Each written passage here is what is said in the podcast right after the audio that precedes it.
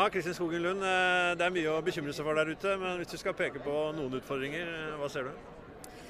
Jeg er jo bekymret for hva som skjer med økonomien i, i stort og globalt. Det er klart det er, det er, veldig mye som er i ubalanse om dagen. Og det vil jo påvirke også oss, selv om vi jeg holdt på å si som vanlig er relativt sett ganske heldig stilt i Norge med en sterk statsøkonomi og med mye av økonomien vår basert på energi og råvarer som går bra. Men norske konsumenter vil jo rammes av høyere inflasjon og høyere priser og alt dette som, som rammer alle andre.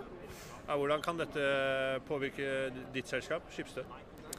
Det er klart Hvis, eh, hvis, den jevne konsument får mindre å rutte med, så påvirker jo det konsum generelt. Og det vil jo gå utover eh, ja, konsum av konsumentvarer som vi er eksponert mot. Da.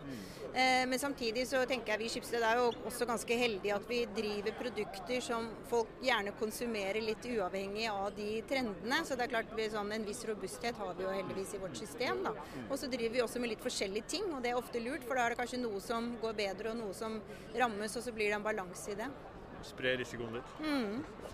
Det er middag senere i kveld. Jeg får vi spørre deg, Er det noen du gleder deg til å treffe på i kveld? Ja, egentlig alle. For dette er jo mine gamle jaktmarker med noe, så jeg kjenner jo veldig mange her. Og det er jo veldig mange jeg ikke har sett på to-tre år, så jeg gleder meg til det. Det blir veldig hyggelig. Sikkerhetssituasjonen som har vært diskutert her i dag er jo absolutt en bekymring for oss og for kundene våre. Men det skaper jo også nye muligheter for oss. Vi ser at etterspørselen etter f.eks. sikkerhetsprodukt er veldig stor.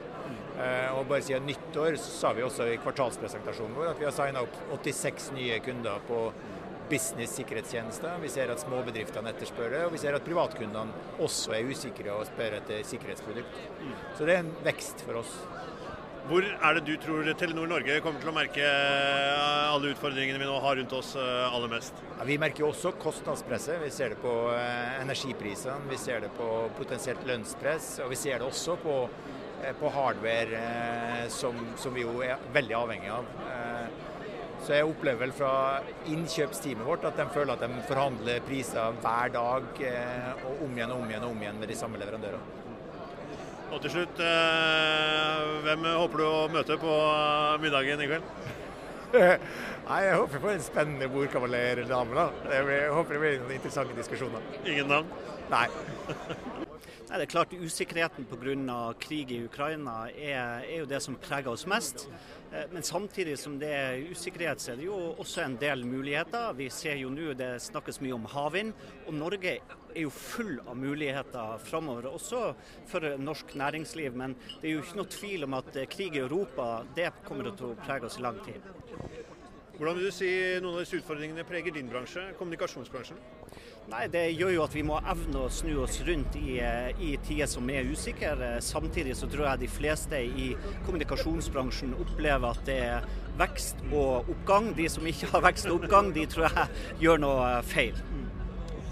Og så er det jo en middag senere i kveld. Skal du på den? Den skal jeg på. og Det er alltid noe morsomt på, på, middagen. Og det er alltid litt sladder å hente, så det gleder jeg meg veldig til. Noen du håper å treffe eller få til bords?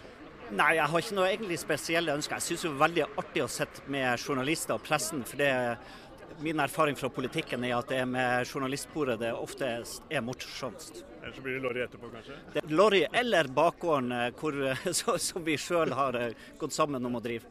Takk skal du ha, Sigbjørn Aanes.